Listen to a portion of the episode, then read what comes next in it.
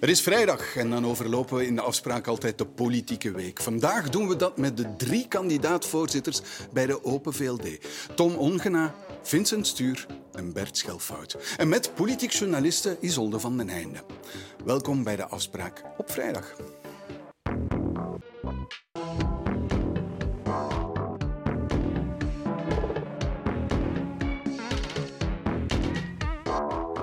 Goedenavond. Kort even voorstellen, Tom Ongena. Wat moeten de mensen van u weten? U bent waarnemend voorzitter op dit moment, maar wat nog?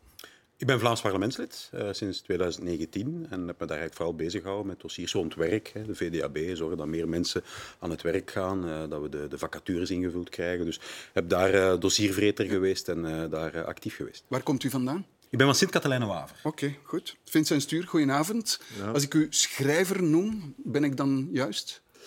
Ja, zowel professioneel als, uh, als in mijn privéleven. Ik ben speechwriter, ik werk op dit moment in het Europees Parlement en dat heeft altijd met schrijven te maken. Um, wat de partij betreft, ik denk dat ik vooral radicaal wil vernieuwen. Ik denk, ik ben nu 25 jaar actief binnen VLD, altijd voor Karel de Gucht gewerkt. Um, en je ziet dat we heel veel verleden hebben en dat we daar eigenlijk moeilijk van afgeraken. En dat is mijn belangrijkste taak als voorzitter, om daar een streep okay. onder te trekken. Komen we zo meteen. Bert Schelfout, goedenavond. Goedenavond. Uh, jongerenvoorzitter geweest. Is, ja, correct? Ja, dat klopt. Uh, van 2013 tot 2015. Um, en dat was een boeiende periode. En ik sta denk ik ook in de partij een beetje bekend als de vernieuwer, uh, de rebel. Iemand zonder... Zij, jullie zijn al met twee? We zijn al met twee, dat ah, klopt. Okay. Ik ben van Deerlijk, eh, ik ben er ook eerste schepen, dus uh, lokaal ook de basis gevormd om, uh, om daar ja, goed uh, beleid te voeren, die ook zorgt dat we um, de begroting op orde hebben en zo verder in onze gemeente. En dat wil ik nu ook vertalen naar, naar het nationale niveau. Oké, okay, goed. Goedenavond, Isolde van mijn einde. Hallo. Um, ja, misschien is het belangrijkste nieuws van de week. Zit dat niet hier aan tafel, maar dat was de politieke entree van de voorzitter van een andere partij, Conor Rousseau. U hebt u daar naar gekeken. Ja, hij heeft een heel groot uh, mediaoffensief uh, gedaan, dat wisten we. Uh, als er kwam trouwens al meteen heel veel kritiek op, op dat Daar... mediaoffensief. Ja, dat komt volgens mij vooral van mensen uit een bepaalde bubbel die zes kranten lezen en alle duidingsprogramma's volgen. Ehm, bij ons was de redenering heel simpel.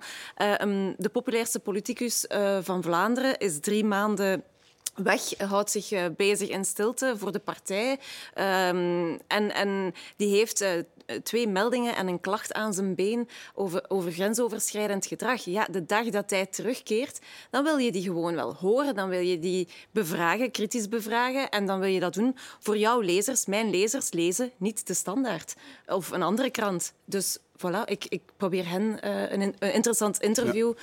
te dienen. Dus ja, ik kan mij inbeelden dat voor mensen die alles lezen, dat dat inderdaad een bombardement is. Uh, maar wij maken die keuze op deze manier. Was het een geslaagd media-offensief, als je dat woord offensief dan nog eens wil gebruiken? Ja, het was super pijnlijk, want hij dacht dat hij met een beetje een, een, een schone lei kon beginnen. Maar net op het moment dat hij die interviews gaf, kwam er eigenlijk een nieuw incident naar boven. Uh, dat befaamde cafébezoek, waar hij dan uh, racistische uitspraken zou hebben gedaan tegen een politieagent. Niet over die politieagent, maar over anderen. Um, daar bestaat nu een hele discussie over. Hij zou dan dronken geweest zijn. En dan komt hij toch ook wel een beetje in het rijtje te staan van politici die iets voor hebben en dat ja, wegvegen met uh, dronkenschap. Hij is al de derde op rij en we zijn nog maar net begonnen aan het politieke jaar. Dus dat belooft voor de kiescampagne. Ja. Ik kijk even naar deze kant. Want uh, stel dat u voorzitter wordt, ja, hoe kijkt u dan naar een collega-voorzitter? Belt u hem even om te zeggen van schouderklopje? Of, of hoe, hoe, hoe, zou u dat doen? Ik zou eventueel een pintje gaan drinken. Uh, eentje, niet te veel. Uh, ja. dat, dat het niet uitloopt. Nu, ik heb met Conor al contact gehad in het verleden. Dat was eigenlijk... Uh, uh, ja, ik, ik heb een achtergrond ook waar ik rond bitcoin heel veel ken. En ik heb, ben met hem in gesprek gegaan om te, te uit te leggen wat dat kan betekenen, ook politiek, maatschappelijk. dus ik vond het een interessant gesprek. Ik denk dat hij voor veel dingen open staat. Dus ik ben zeker bereid om met hem ja. nog een gesprek te voeren. Wat zou u doen, Vincent Stuur? Ik weet niet wat ik zou doen. Ik vind het wel heel pijnlijk. Ik vind dat vooruit de middenpartij is die het best zichzelf in de spiegel gekeken heeft sinds 2019 om te proberen dat politieke midden te versterken. En dat is niet alleen de nieuwe stijl van Conor, maar ook de ernst van Van den Broek en van een Gené en de partij op zich die toch uh, daar sterk werk levert. Dat moet een van onze belangrijkste partners zijn. Als dat dan door de personality politics, als het alleen nog over de persoon gaat, dan maak je jezelf vatbaar. Maar ja, wij verliezen daar allemaal bij, denk ik. Ja, maar u gaat hem niet bellen dan als, kan, als, als collega-voorzitter om te zeggen... Ik, ik, weet niet of hij, hij, mij dan zou nodig hebben. Ik bedoel, het, het werk binnen zo'n regering, dat is waar je denk ik elkaar in moet vinden. Tom Ongenaam, wat zou u doen? Wat hebt u gedaan? Want u bent waarnemend voorzitter. Ja, ik ken hem een beetje. Natuurlijk in het Vlaams parlement al tegengekomen. Ja. Al is u hebt hem stevig, gebeld? Stevig in debat gegaan met hem. Uh, nee, ik heb hem niet gebeld. Nu goed, mocht ik hem uh, beter leren kennen en misschien uh, gaat dat gebeuren, wie weet. Eh, ja. ja. dan zou ik misschien wel eens een berichtje sturen. Maar om nu te zeggen dat ik ervoor ga bellen en hem raad zou gaan geven, nee, dat, okay. dat voel ik me niet toe. Goed, voor we aan het debat beginnen. Hoe belangrijk is, want hier zitten drie kandidaat-voorzitters, hoe belangrijk is een voorzitter in de Belgische politiek? Superbelangrijk, hoewel de functie nergens in de grondwet staat uh, beslist de partijvoorzitter uh, vandaag bijna over alles. Over uh, wie er op kieslijsten staat, wie er minister wordt. die beslist wat er gebeurt met de partijfinanciering, wat er dan mee gebeurt voor het ideologische project. En ja, last but not least, bepaalt de ideologische lijn uh, van de partij, schrijft die grote verhalen uit en voert de regeringsonderhandelingen. En als we nog een stapje verder gaan, voert ook de onderhandelingen voor mogelijke staatshervormingen, vaak zelfs alleen. Dat is niet dat, dat daar altijd een hele equipe staatsexperten rond staat, experten staatshervorming, sorry. Um, dus super belangrijk bij Open VLD zit je natuurlijk in een super bijzondere situatie dat je natuurlijk um, de politieke leider is gewoon Alexander de Croo. Um, de eerste minister. De eerste minister. En ja, twee weken geleden zat Alexander de Croo in deze studio en werd de vraag hem gesteld van wat verwacht u van een partijvoorzitter? En dan zei hij eigenlijk heel helder, ik verwacht van een partijvoorzitter dat hij uh, de partij organisatorisch in goede banen leidt. Dat is eigenlijk een beetje het Nederlandse model waarbij ja, je dan staat voor een politieke directeur. Dat is niet het model dat wij kennen in mm -hmm. Vlaanderen of in en dat België. U, dat u beschreef ja, dat als een net... speerpunt van de particratie. Voilà, dus dat is niet wat dat, hoe dat vandaag bestaat, maar dat is wel hoe hij dus, en hij is de machtigste liberaal vandaag, uh, er invulling aan zou geven. Ja, maar uh, Cindy Envy, Mm -hmm. En dat is de naam die um, ja, de voorzitter van CDMV heeft gekozen voor zijn deelname aan de wedstrijd van drag queens is ook een partijvoorzitter. Hoort dat dan ook bij die hele taak die u net omschreef? Nee, absoluut niet. Dat is een vrije keuze geweest van, uh, van Sami Medi.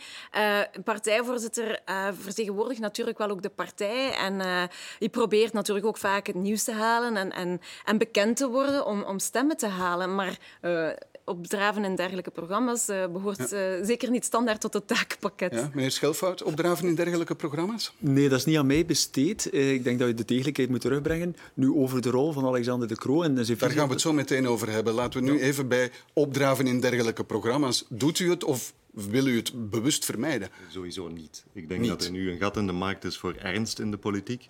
En je zal altijd iets meer van jezelf moeten laten zien dan 20, 30 jaar geleden.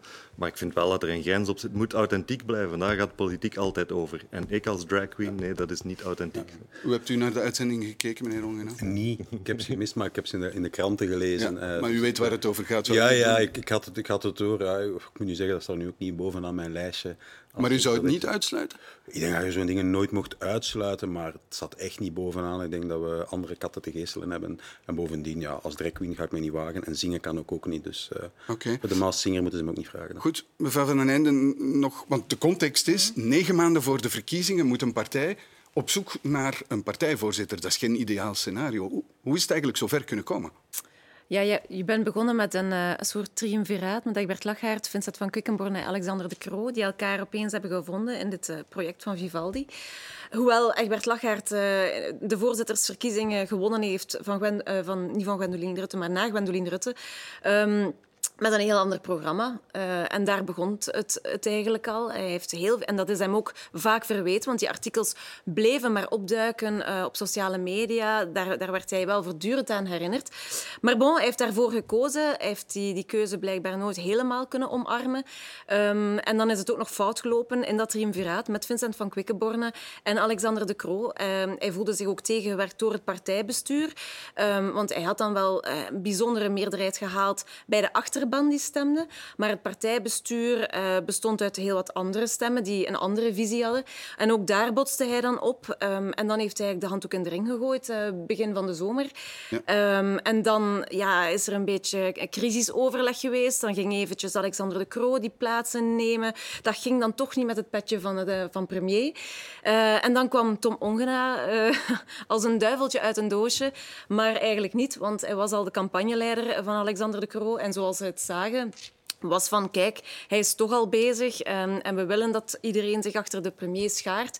Dus daar kwam Tom Ongena dan, uh, ja, paste hij dan toch wel in dat profiel dat ze zochten, zal ik zeggen.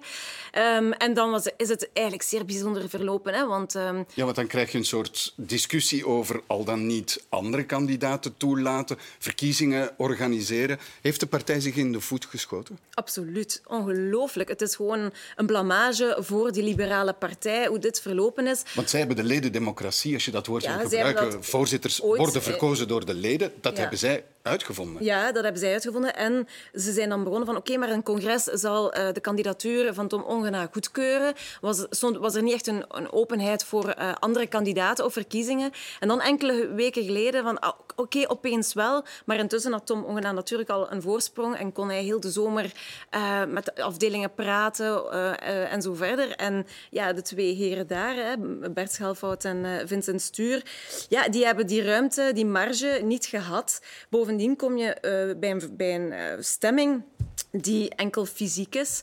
Um, en daar is heel veel boosheid over. Ik heb heel veel liberalen al gehoord die niet komen. Dus het wordt zeer spannend wat de uitslag zal zijn. Um, of dat er mensen zullen stemmen uh, en hun stem zullen laten horen, of dat ze dat durven. Want het wordt openbaar uh, gedaan. Hè. Dus het is niet dat je anoniem op een knopje duwt en nadien ziet het resultaat. Oh, toch op die manier, oké. Okay. Ja, ja, maar bon, je, moet, je, moet, je moet het wel durven opnemen tegen, tegen ja, het partijapparaat. Want het is niet zozeer, als u het niet haalt, uh, meneer Ongena, zal het niet zozeer een afstraffing zijn van u. Dan zal het eerder een afstraffing zijn van uh, het project van Alexander ja. de Croo. Even, even een vraag. Uh, hebt u een faire kans gekregen? Ik denk het niet, nee. Nee? Nee, absoluut niet. Wij hebben veel te weinig kunnen in debat gaan met de leden, met de, met de mensen zelf. We hebben maar drie weken gekregen tegen dat je iets op, op, op poten kan zetten om mensen duidelijk te maken wat die boodschap is. Zijn ja. we naar verkiezing? Dat is morgen uh, al het geval. Dus, uh, Meneer Stuur?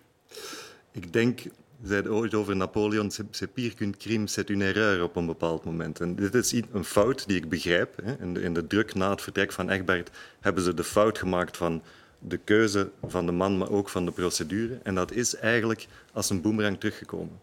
Ik denk dat wij nu wel een faire kans hebben, omdat er zoveel mensen in die partij echt boos zijn. Niet tegen Tom als persoon, niet tegen Alexander of de partijtop, maar gewoon door iets wat eigenlijk in het DNA van die partij zit. Een van de charmes die wij hebben is dat uiteindelijk als lid, die allemaal brave, loyale mensen zijn, die gewoon geen erkenning krijgen op het moment dat het echt moeilijk gaat. Meneer Ik denk dat dat heel erg in Tom zijn nadeel speelt op dit moment.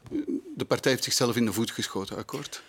We zaten in een uitzonderlijke situatie. Het ontslag van Egbert uh, kwam eigenlijk plotsklaps. Er uh, was toen heel veel vertwijfeling. Hoe moet het nu verder? Er is toen gekozen om toch stabiliteit uh, te creëren. Er zat ook met het probleem dat Alexander de Croo als premier natuurlijk ook geen, geen voorzitter kon zijn.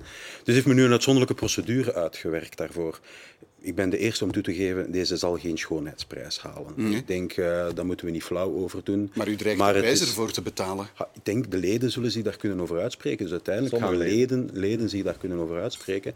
Wat men gedaan heeft, men heeft eigenlijk een compromis gezocht. En een compromis is natuurlijk nooit uh, heel mooi. Tussen enerzijds toch de vraag, ook van heel veel leden, van laat ons nu niet maanden en maanden verliezen om, om, eh, om, om, om met onszelf bezig zijn en eigenlijk niet met de problemen van de mensen. Langs de andere kant ja, moet je wel inspraak geven aan leden. Evident, van in het begin gezegd hè, dat we een congres gingen organiseren waar leden zich zouden kunnen over uitspreken. Maar heb je nu echt en heb zelf... dat we minder met onszelf bezig geweest zijn door deze procedure? Nee, we... nogmaals, ik Daarom, geef toe dat, dat is... het geen schoonheidsprijs is, maar toch de kans geven aan, aan leden om zich erover uit te spreken. Mm. Ook aan andere kandidaten. Jullie zitten hier, ik heb het zelf voorgesteld. Hè. Ook anderen, vind ik, moeten zich kunnen, kunnen voorstellen. Dus ja, het is een compromis, ik geef het toe. Maar ik, ik ga er niet flauw over Dat nog niet te laat is. Maar... De leden kunnen morgen gaan beslissen van kijk, wij geven... Uh, wij geven de kans om het opnieuw te doen. En dat hoeft geen drie maanden te duren. Er zijn mogelijkheden om te zeggen van kijk, we gaan alle leden die een lidkaart hebben een brief sturen. Met die brief kunnen zij online stemmen, een verkiezing doen en kunnen zij kiezen welke kandidaat zij Dan gaat het over de procedure helemaal in het begin morgen Als die verworpen wordt, dan krijgen we wat u voorstelt. Ja, dat klopt. Of dan gaat u dat voorstellen. En ik denk dat dat belangrijk is, want VLD, Vlaamse Liberalen en Democraten, wij, wij zijn echt de grondleggers Als, van als die dat democratie. gebeurt, is dat toch een bijzondere afstraffing van dat partijbestuur vandaag. Als, als zij hebben die procedure goedgekeurd in een crisissituatie, akkoord. Maar als dat scenario gebeurt, dan is dit een absolute crisis voor de partij. Je kan dat een ik afstraffing noemen, je kan dat ook eh, de, het recht van de democratie vinden en eigenlijk eh, gewoon zeggen, je gaat je huiswerk opnieuw doen. Er waren moeilijke omstandigheden. Op zich kunnen we dat herkennen, iedereen herkent dat. En als de leden zeggen van kijk, laat ons het huiswerk opnieuw doen, dan mogen zij doen en dan volgt een nieuwe... Wat, dat gebeurt er als de procedure niet wordt eh, goedgekeurd? Ja? De chaos. De georganiseerde chaos. We volgen nou, dan de statuten natuurlijk. Hè, die zeggen van kijk, wat morgen voor ligt is de vraag voor een eenmalige afwijking, die verkorte procedure voor een verkort mandaat, ook okay. voor alle duidelijkheid, En als die, één jaar. als die verworpen Als die wordt? verworpen wordt, ja, dan zal het partijbestuur maandag samenkomen en is de kans denk ik heel, heel, heel groot dat we een gewone procedure opstarten, die natuurlijk zijn tijd in beslag gaat nemen, waar we terug mensen de kans gaan geven om zich kandidaat te stellen. Dan volg je de regels zoals ze zijn. Daarom de vraag morgen is, Ja. ga je akkoord met die verkorte procedure, gelet op de uitzonderlijke situatie waar we in zitten en gelet ook op de vraag van ja, moeten we niet zo snel mogelijk toch beginnen met die, met die verkiezingen voor te bereiden, met ideeën uit te werken voor de problemen van de mensen. dus stel, dat dat, stel dat dat gebeurt, wanneer zijn er dan ten vroegste verkiezingen mogelijk? Als de echte procedure wordt uitgerold, hoeveel tijd Dan neemt dat in je, beslag? dan zit je sowieso twee maanden verder. Rapper kan dan niet. En dan zit je dus half Ik ben daar november dus niet mee te vroegste. akkoord. Ik vind dat je dat wel sneller kan doen. Nee. Nu, nu hebben we het op drie weken moeten doen. Dat is hetzelfde. Je kan eigenlijk gewoon zeggen, we gaan dat een stuk verlengen. Nu hebben op dit moment niet alle leden een brief gekregen rond die voorzittersverkiezingen. Enkel de mensen met een e-mailadres kregen. Dus dat gaat over de helft van onze leden die eigenlijk niet ingelicht is over de verkiezing zelf, nu komende zaterdag.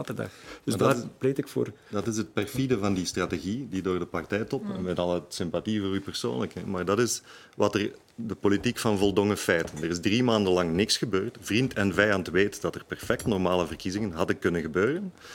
En ik heb vorige week nog gevraagd van bereid minstens een plan B voor. Dat je kan zeggen van oké, op het congres kunnen mensen kiezen alsnog digitaal te stemmen binnen twee weken of zo. Dat is geweigerd. We hebben gewoon gezegd, er zijn maar twee scenario's, voldongen feiten of de totale chaos tot december. En ik denk dat dat... Mensen zijn... Er is heel veel goodwill ten opzichte van Alexander de Croo. Maar iedereen die daar zit, wordt gedwongen in een keuze die verscheurend is. Want elke liberaal wil algemeen stemmen en tegelijkertijd weten dat het over ja, een zeer negatieve campagne die zelf zou veroorzaken. Ik vind dat echt een, een, een enorme fout. Ik kan dat echt niet, kan dat niet anders noemen. Oké, goed. Laten we eens een eh, aantal inhoudelijke punten. Want ja, de Open VLD moet inderdaad negen maanden voor de verkiezingen op zoek naar een nieuwe voorzitter. Dus echt ideaal kan je zo'n scenario niet noemen. En bovendien zijn de peilingen voor de partij ook niet goed. En wordt de geloofwaardigheid van de partij, bijvoorbeeld in de federale regering, toch wel geregeld in vraag gesteld. Dan de woelige voorzittersverkiezingen bij Open VLD. Een aantal kandidaten vindt daar dat de race niet eerlijk verloopt. En vandaag is daarover gesproken op het partijbureau. Meneer Lagarde, moeten de verkiezingsprocedures aangepast worden? Is er om in de partij, meneer Lagarde? We hebben samen met een twintigtal burgemeesters, parlementsleden, mensen van de basis de vraag gesteld uh, voor echte voorzittersverkiezingen. Er is wel veel onmin in de partij. Is het niet nodig om te veranderen? Nee, dat is niet waar. Er is geen onmin. Ja, ik begrijp dat een aantal mensen liever zouden gehad hebben dat we digitaal stemmen.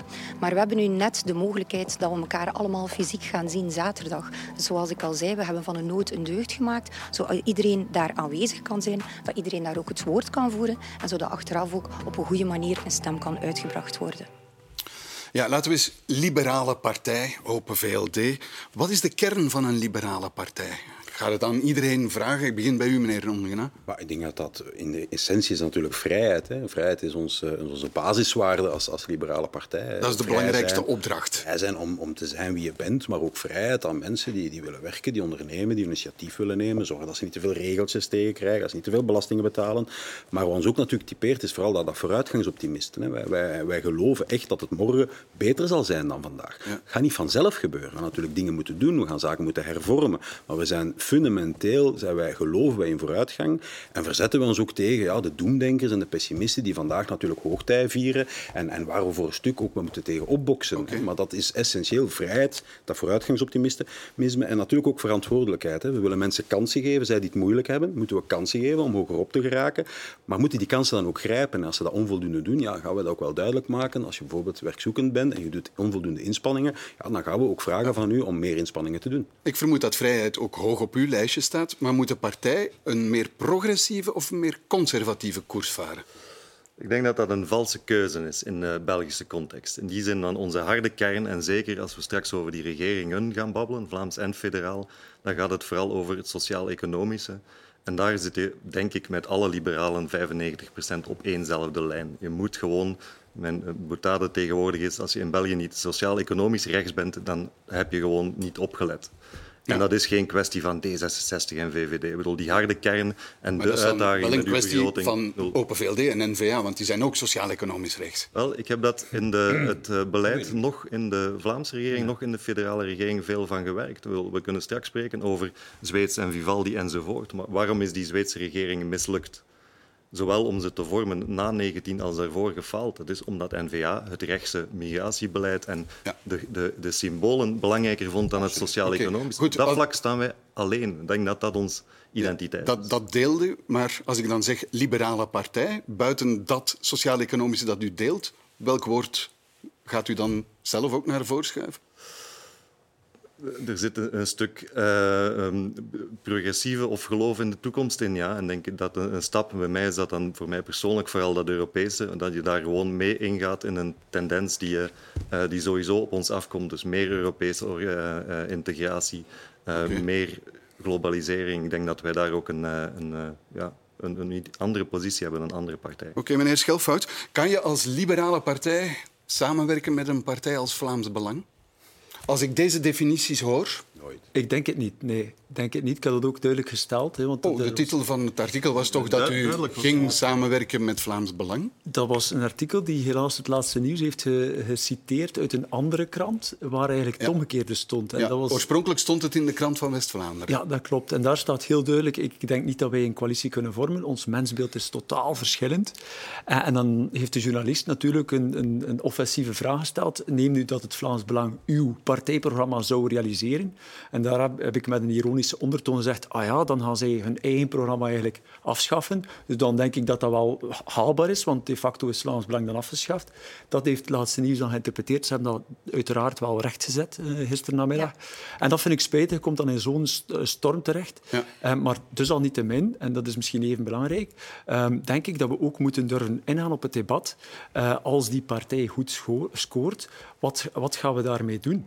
En ik vind het zeer frustrerend om te zien, als Vlaams Belang goed scoort, dat zij de komende vijf jaar met de partijfinanciering de kans krijgen om verdeeldheid te zaaien in de samenleving de komende jaren. Oké, wat, wat gaat u als voorzitter van een liberale partij daarmee doen? Wat, wat, welke klemtoon gaat u dan bijvoorbeeld tegenover Vlaams Belang naar voren schuiven? Ja, uh, het is eigenlijk eenvoudig. Ik denk dat je um, enerzijds perspectief moet brengen naar de mensen. Dat is een heel concreet iets in de zin van uh, wat doet Vlaams Belang op dit moment? Zij gaan gaan kapitaliseren op de verliezers van de globalisering. Ze hebben dat ook letterlijk toegegeven, er staan er boeken aan. Als je kijkt naar die verliezers van de globalisering, dan um, voelen mensen zich, ja oké, okay, we gaan erop achteruit. Dat kan uh, sociaal-economisch zijn, dus daar hebben we al een mooi verhaal te vertellen.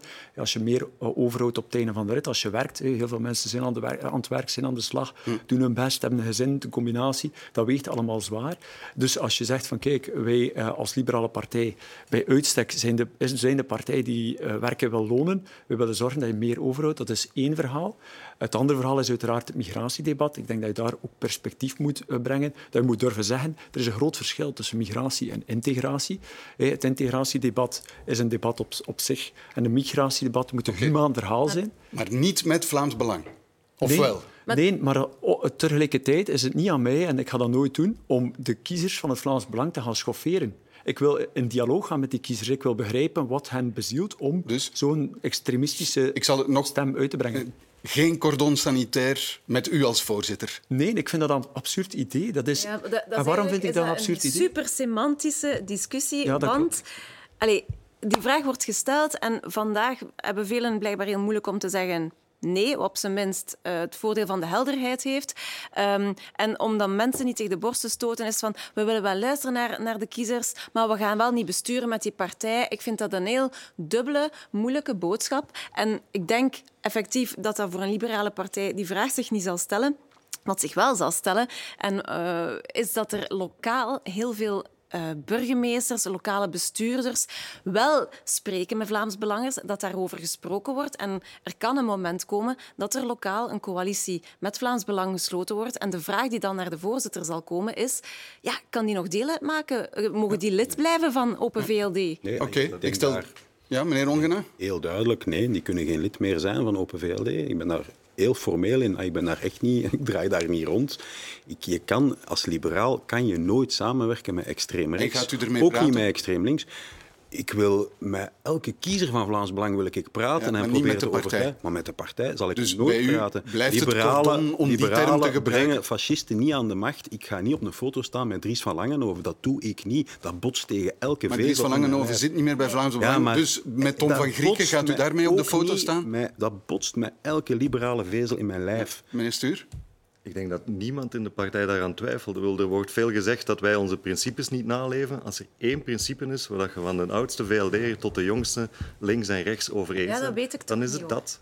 Ik denk en, echt dat er lokaal, bij verschillende lokale bestuurders toch een soort de lijn, sentiment De lijn zal duidelijk zijn. Die maakt geen deel uit van onze partij. Daar gaat niemand serieus over twijfelen. Of niemand die in de Die twee zijn duidelijk. Ik vraag het aan u nog eens. Een lokale afdeling die samenwerkt met Vlaams Belang. Wat zegt u als voorzitter van de Open VLD? Nee, Ik ben zelf van de lokale afdeling. Ik zou dat niet doen. Ik wil ook niet dat de lokale nee, maar wat afdeling zegt de voorzitter dan? Dat is heel Nee. duidelijk. Het is gewoon uit de partij. Ik zeg duidelijk nee, maar ik wil er wel aan toevoegen. En dat is misschien ook belangrijk. Maar u zet ze niet uit de partij. Eh, ik, denk, ik, ik, ik denk dat... Ja, ik, zou ze, ik zou dat gesprek durven aangaan. En inderdaad, eh, in samenspraak met het partijbestuur moet je de situatie bekijken. Ik denk dat je ze U, inderdaad uit de u twijfelt toch heel sterk. Maar ik zal Tom Ongena is het heel duidelijk. Nee, uit de partij. Bij Vincent Stuur ook. U, u, u twijfelt heel sterk. Nee, omdat ik eigenlijk het volgende wil zeggen. Ik zeg nee, dus dat is eenvoudig. Maar ik wil wel eraan toevoegen, en daar heb ik me altijd aan geërgerd, als alle partijen samen zeggen eh, wij gaan een cordon organiseren rond, en dat is eigenlijk het cordon, hè, dat gaat over de verschillende politieke partijen, welk signaal geef je dan naar de kiezer? Je maakt ze eigenlijk groot. Ja, maar en ik dat vind cordon dat wij op papier niet bestaan. Ze bestaat in de praktijk. cordon nodig. Ik heb Ja, maar dat vind ik wel- Jawel, maar Bert. dat Ik heb echt geen cordon nodig. Dat is mijn overtuiging. Die zegt met extreem rechts, ook extreem links, hè, voor alle duidelijkheid, ook de communisten, hè, dat botst ook te veel. Ik heb 100% dat, is- dat, dat dezelfde zijn onze, Dat is vrijheid. Dat is mensen in een hokje duwen. Ze beoordelen op hun afkomst. Dat doe je toch nooit of te nooit als liberaal. Meneer Stuur, we gaan naar de volgende vraag. Want een thema voor u is vernieuwen. De partij zit op een dieptepunt in de peiling. Hoe vernieuw je? Hoe doe je dat? Wel, ik zal terugkoppelen naar het vorige punt. Eh, niet in de praktica, maar in de inhoud. Als het gaat over die kiezers van extreem links, extreem rechts, dan moet je eigenlijk een stuk afstappen van ons vooruitgangsoptimisme en iets meer de angst begrijpen die in een maatschappij leeft. Ik bedoel, de 20 jaar verliezen wij verkiezingen en dat zijn 20 jaren van crisis. Dat is 9-11, dat is een economische crisis, eurocrisis, migratiecrisis, klimaatcrisis, gezondheidscrisis en nu geopolitieke crisis. Mensen zijn bang en met bange mensen kan je geen democratie overeind houden. Dat moeten wij snappen en ook uitstralen en dat doen we iets te weinig. Als het gaat over vernieuwing, mijn probleem of met de partij is dat wij op al die thema's minder relevant geworden zijn dan vroeger. Wij hebben daar geen markteigenschap. Maar dat is de eh, analyse. Wat doe je dan als voorzitter? Wat is, wat is bij wijze van spreken het eerste wat u doet? Het eerste wat ik doe, maar dat is dan direct in de praktica, ik wil naast Alexander de Croo allemaal nieuwe lijsttrekkers. En niet omdat die nieuw zijn, maar omdat dat mensen moeten zijn die een nieuwe relevantie hebben op al die thema's. Allemaal, behalve Alexander de Croo. Ja. Ik wil de dynamiek van die lijstvorming omdraaien. Niet om de oude boegbeelden met de pek en de veren terug naar Kortrijk te sturen, maar om te zeggen, jullie gaan op strijd plaatsen. Jullie gaan naar alles wat jullie, de kansen die jullie gekregen hebben, gaan jullie nu geven aan een nieuwe Hebt u nu generatie. Kortrijk bij toeval genoemd of is dat een bewuste kon keuze van eh, de stad? Aarschot, Mechelen, eh, noem maar op. Ja. Ehm, maar, en ik bedoel dat niet om gemeen te zijn ten opzichte van, niet omdat ik een probleem heb met het verleden, ehm, met hen wat ze in het verleden gedaan hebben, maar je merkt En als partij dat je dat niet kan overstijgen. Ja. Waarom? Mag ik, mag ik eens vragen? Als, iedere keer als het over de VLD gaat, dan gaan jullie in de analyses, wat ik jullie niet verwijt, wat ik onszelf verwijt, gaan jullie 15, 20, 25 jaar terug naar Karel de Gucht en naar Guy Verhofstadt en de begroting onder paars groen enzovoort. Dat gebeurt niet bij de socialisten, Nee. dat gebeurt niet bij CD&V. Waarom? Goed, Omdat wij grotendeels met dezelfde boekbeelden naar de Alexander de Croo verkiezingen geen gaan. boegbeeld van het verleden? Hij, is, hij, is- hij doet ook al mee aan de top sinds Ja. 2009. Maar het zou heel moedig kunnen zijn van hem dat hij zegt...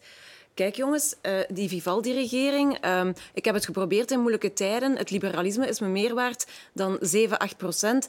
Eh, het heeft niet gewerkt. Ik duw, ik bedoel, hij komt uit een ondernemers... Hij, hij, komt, hij komt uit een ondernemerswereld. Verkiezingen afwachten. Oké, maar goed, dus- dus- ik Dus vind dat dat we signaal Meneer- campagne te Meneer Stuur zegt alle lijsttrekkers behalve Alexander de Croo nieuw. Tom Ongena als Ik voorzitter. zeg, ik heb de ambitie dat twee derde van onze lijsttrekkers nieuwe mensen zullen zijn.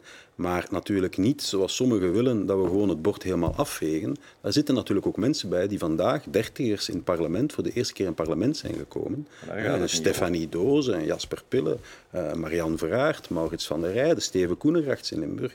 Dat zijn sterke parlementsleden die ook lokaal hun verdiensten hebben. Hè, die ook hun afdelingen hebben, eh, hebben opgebouwd en, en versterkt.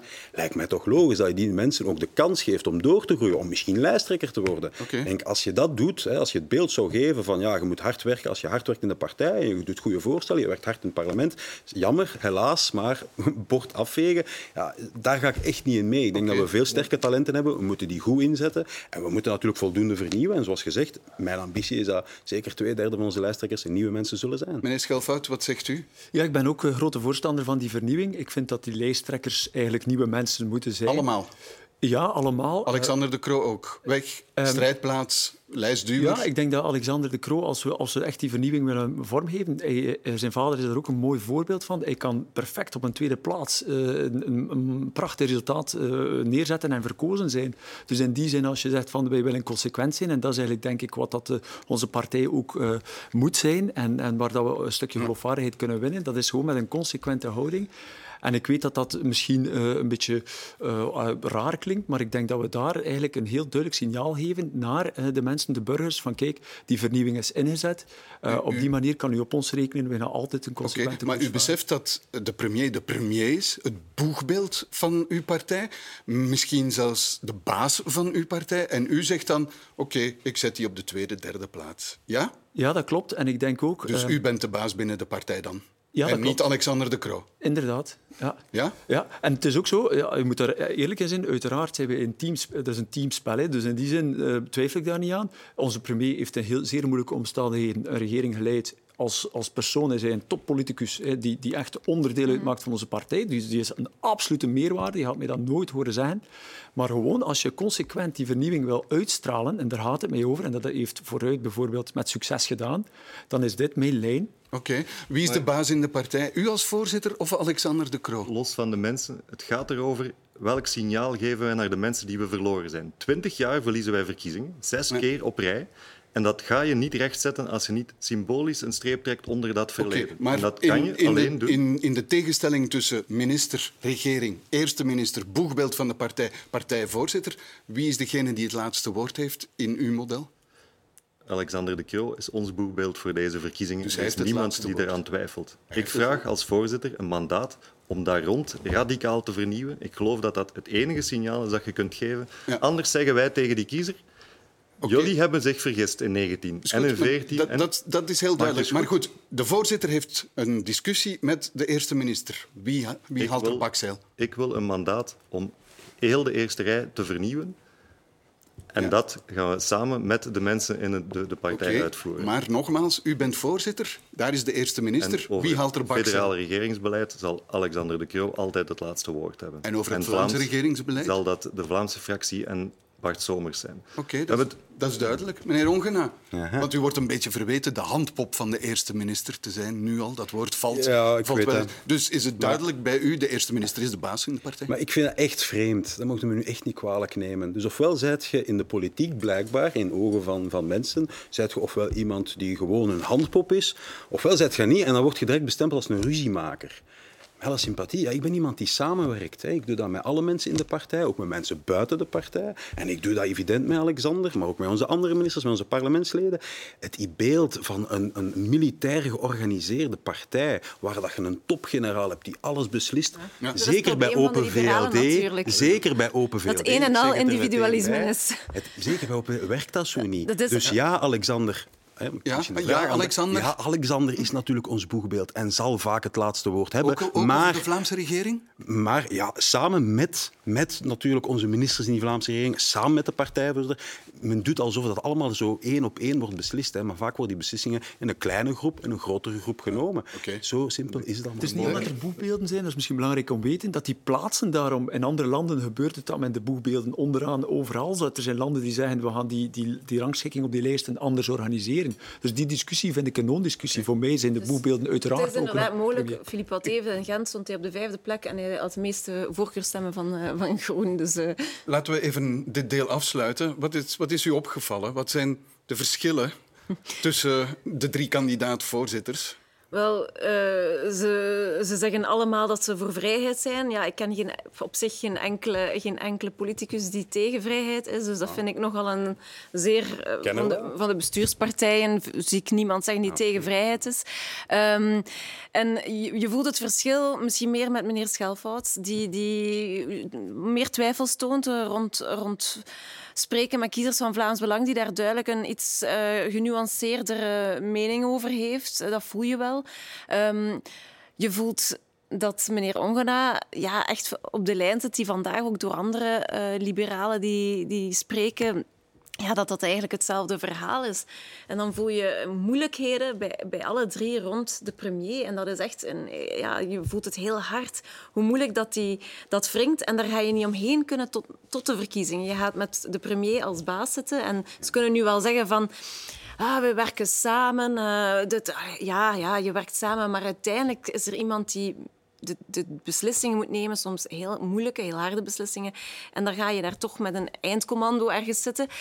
En je voelt bij alle drie dat dat heel moeilijk is. En dat gaat niet opgelost geraken bij geen één van de drie. En dat zal pas na de verkiezingen zijn. En het is daarom dat ik het moedig zou vinden van ook iemand als Alexander de Croo, die absoluut een toppoliticus is, maar dat hij zegt van kijk, want Vincent Stuur heeft gelijk. Waarom wordt bijvoorbeeld aan Conor Rousseau nooit eh, verwezen zaken over het Zilverfonds? Omdat hij kan zeggen, daar was ik niet bij, meneer, mevrouw. Daar heb ik niets over te zeggen. Hm, Dat is van voor mijn tijd.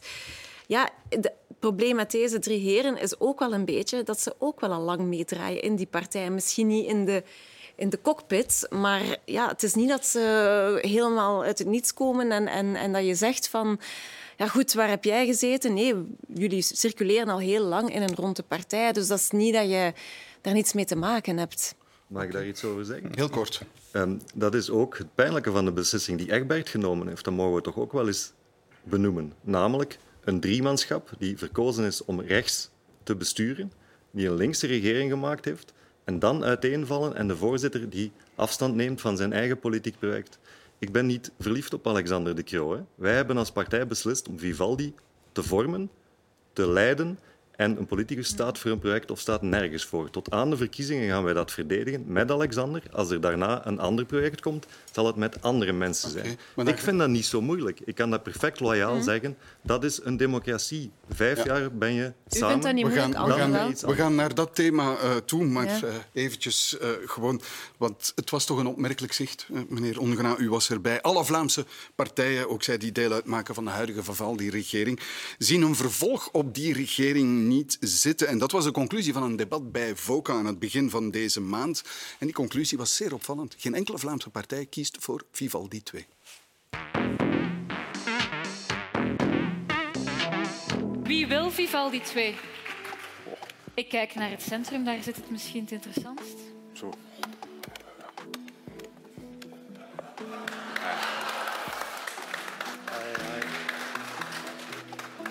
Waar zijn de resultaten? Wat is de belastingsdruk? Wat is het budget? Wat is de En schuldgraad? het Waar tandem, zijn het tandem de liberalen- Wever gaat Ja, maar alles oplossen in Vlaanderen. Dus antwoord een keer, is Vivaldi 2 de verzetting van deze coalitie Franstalig gedomineerd, links gedomineerd, pro-passieve. Maar Is dat een optie voor u? Hoe erg is het dat het, geen enkele Vlaamse voorzitter die regering wil verder zetten? Partijvoorzitters hebben in ons land een heel specifieke rol.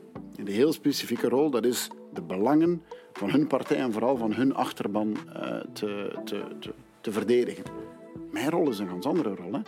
Mijn rol is tijdens periodes van crisis of tijdens periodes waar we uit de crisis komen, ons land te besturen. Ik persoonlijk zou op groen geduwd hebben, omdat ik wel vind, Vivaldi kun je samenvatten als veel gedoe, te veel gedoe, mm -hmm. maar ook veel gedaan.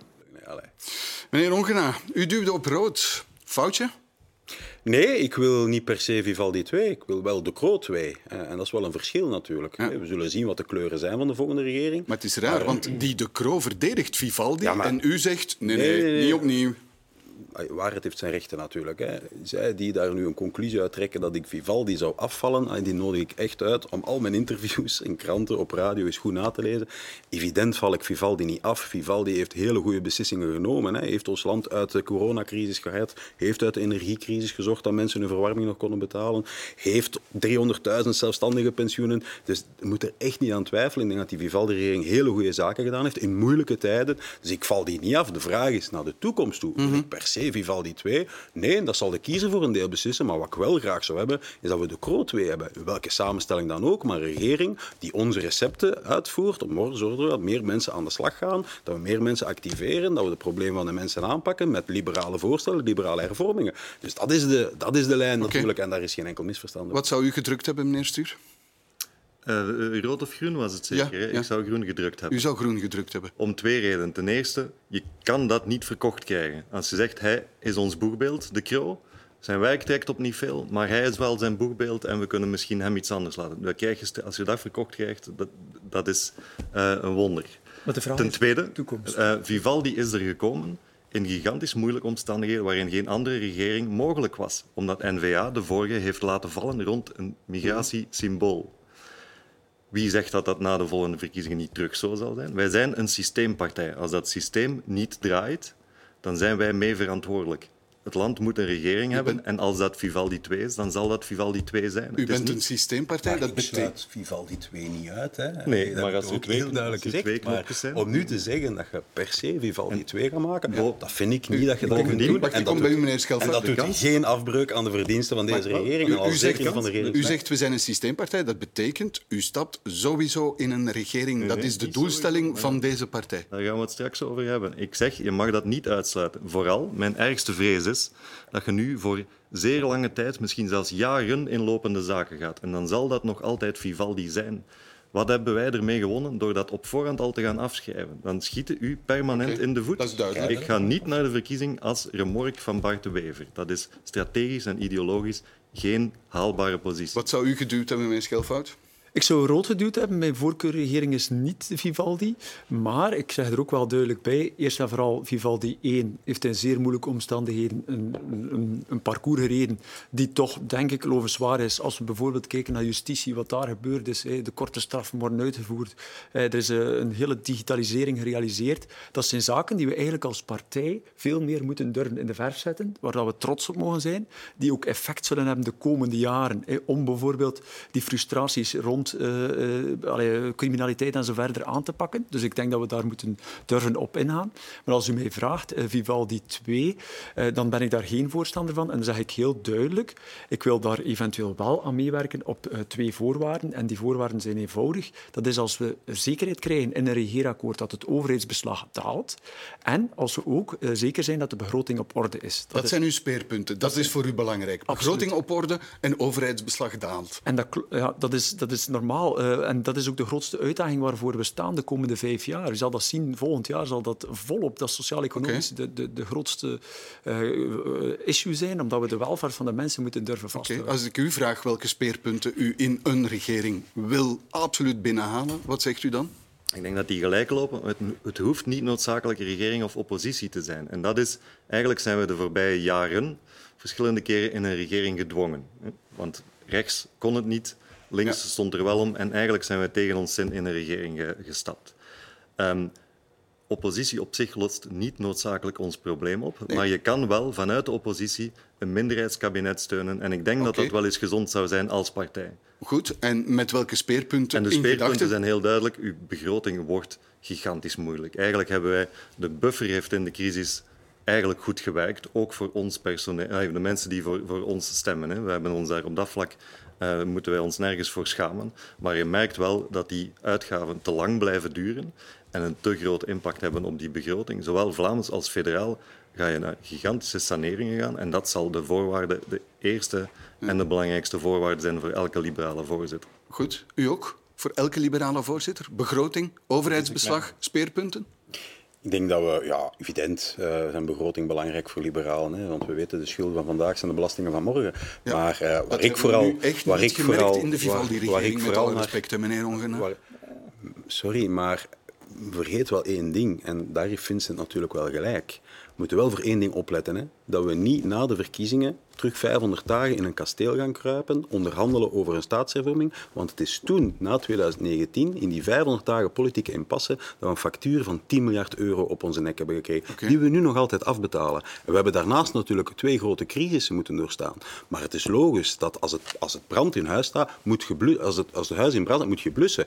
Maar we gaan natuurlijk die discipline moeten hebben. Maar hoe gaan we dat vooral doen? Denk ik door al te zorgen dat we een arbeidsmarkthervorming gaan doorvoeren. Ook Vlaams, hè, want u heeft enkel de federale regering, ook die Vlaamse regering, dat we daar goede hervormingen over, dat er meer mensen aan de slag gaan, dat we die openstaande vacatures dat we die ingevuld krijgen. En dat zal hand in hand moeten gaan, ook met een belangrijke fiscale hervorming. Het is jammer genoeg nu niet gelukt, maar ik denk dat we de oefening ook opnieuw moeten maken, want hetgeen dat op tafel lag, hadden we toch ook wel wat bedenkingen bij. Maar je gaat naar een grondige fiscale hervorming moeten gaan, zodat mensen die werken echt beter beloond worden, dat je dat verschil tussen werken en niet werken, dat je echt groter maakt. Want dat ga je echt nodig hebben om veel meer mensen aan de slag te krijgen en onze welvaart, hè, heel ons sociaal model natuurlijk betaalbaar te houden. Maar als ik u zo bezig hoor, dan zegt u, wij zitten in die regeringen, die toekomstige regeringen. Wij stappen daarin.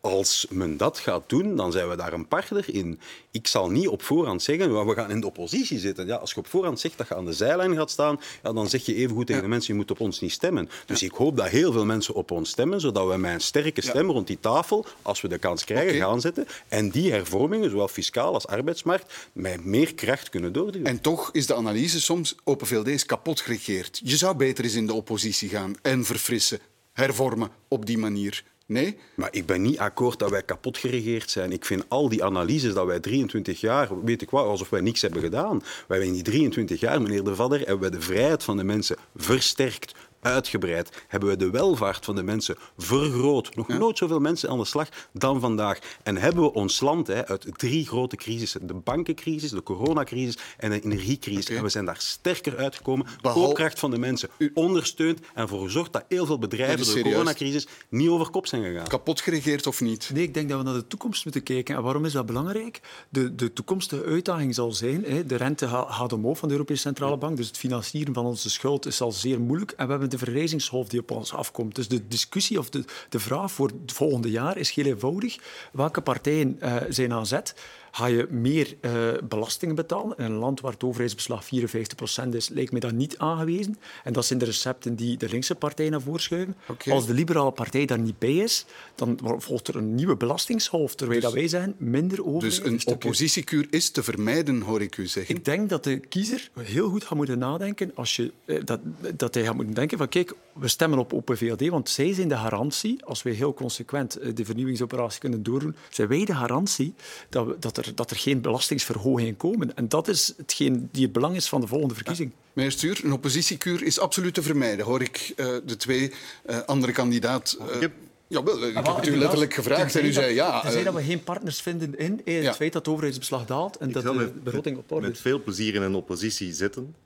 En je kan van daaruit het systeem mee helpen doen draaien door je verantwoordelijkheid te nemen, bijvoorbeeld door steun aan een minderheidskabinet. Dus Dat u hebt geen schrik- u hebt geen schrik van oppositie. Maar het is geen zuiveringskuur die sowieso werkt. Als je alleen, terug naar ons vernieuwingspunt van de juist, als je alleen met boegbeelden die al jaren meedraaien in de oppositie zit, dan word je niet opnieuw terug maagd. Dan krijg je niet terug het imago van de radicale vernieuwers. Alles hangt af van het talent en de uitstraling van die mensen die dan in de oppositie zitten. Als je dat geregeld krijgt voor de verkiezingen bij de lijstvorming, dan kan je achteraf alles uit. En is dat de regering, is dat oppositie, is dat een minderheidskabinet? Okay. Ik ben overal voor te vinden.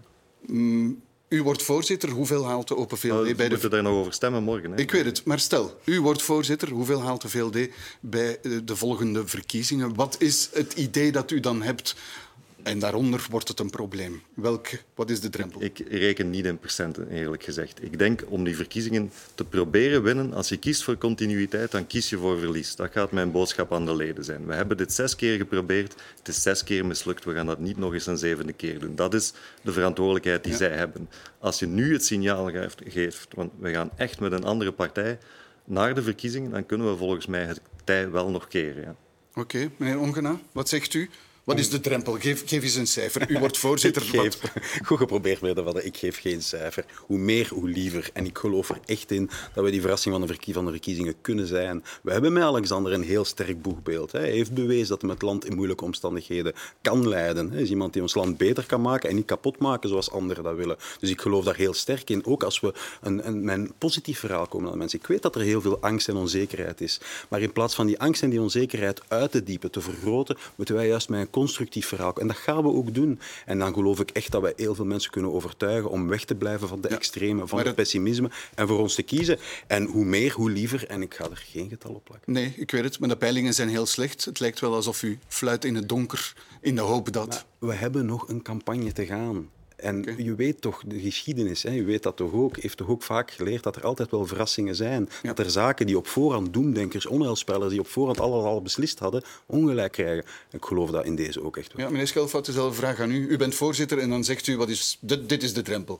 Als ik daaronder ga, dan stap ik op en dan ben ik gewoon alles kwijt. Ja, ik denk dat de drempel op 10% ligt. Ik ben daar heel duidelijk en klaar in. En tegelijkertijd wil ik zeggen, het is ook ontzettend belangrijk dat Open VLD goed scoort. Hè. We willen niet dat de mensen die nu al uh, 54% belasting betalen, alleenstaande betalen 53% van hun inkomen af. We willen dat vermijden. We moeten echt zorgen dat we partner zijn in, die, uh, in de regering, of toch tenminste uh, onze eisen op tafel kunnen leggen. Ja. En in die zin is het belangrijk dat Open VLD goed scoort. Oké. Okay.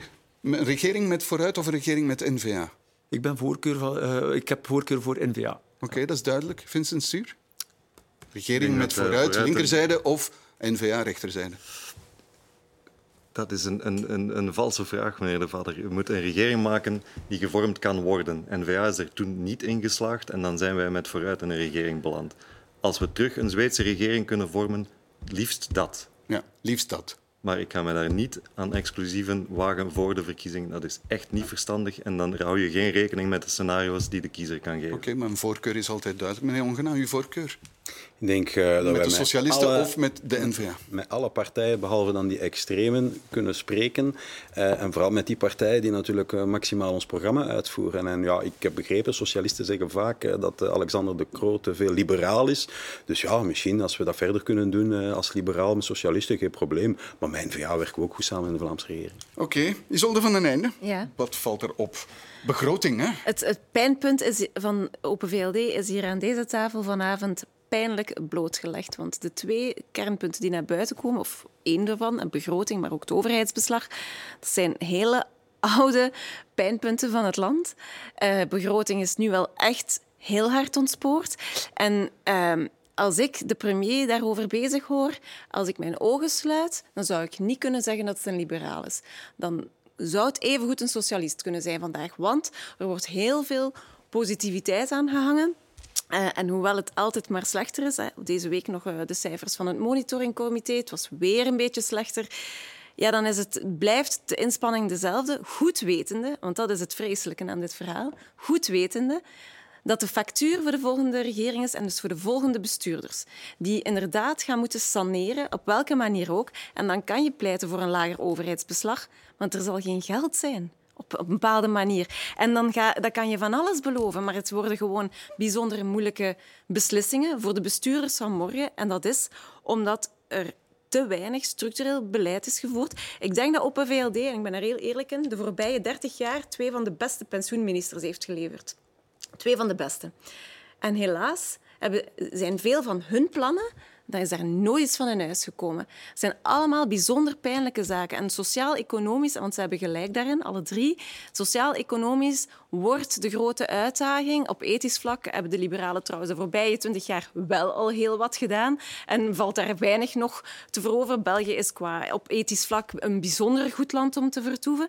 Maar sociaal-economisch ja, dan, dan zie ik niet meteen in waar zij gaan stappen kunnen zetten. Dan zal het in het aansporen zijn van langdurig zieken. Niet evident. De pensioenen, we hebben het gezien in de Zweedse regering Michel pensioenleeftijd verhoogd naar 67 jaar. Van de weerbots, omdat de kritiek zo snoeihard daarop was, hebben al die partijen, allemaal, ook N-VA, het minimumpensioen verhoogd en daarmee uitgepakt in de campagne van 19.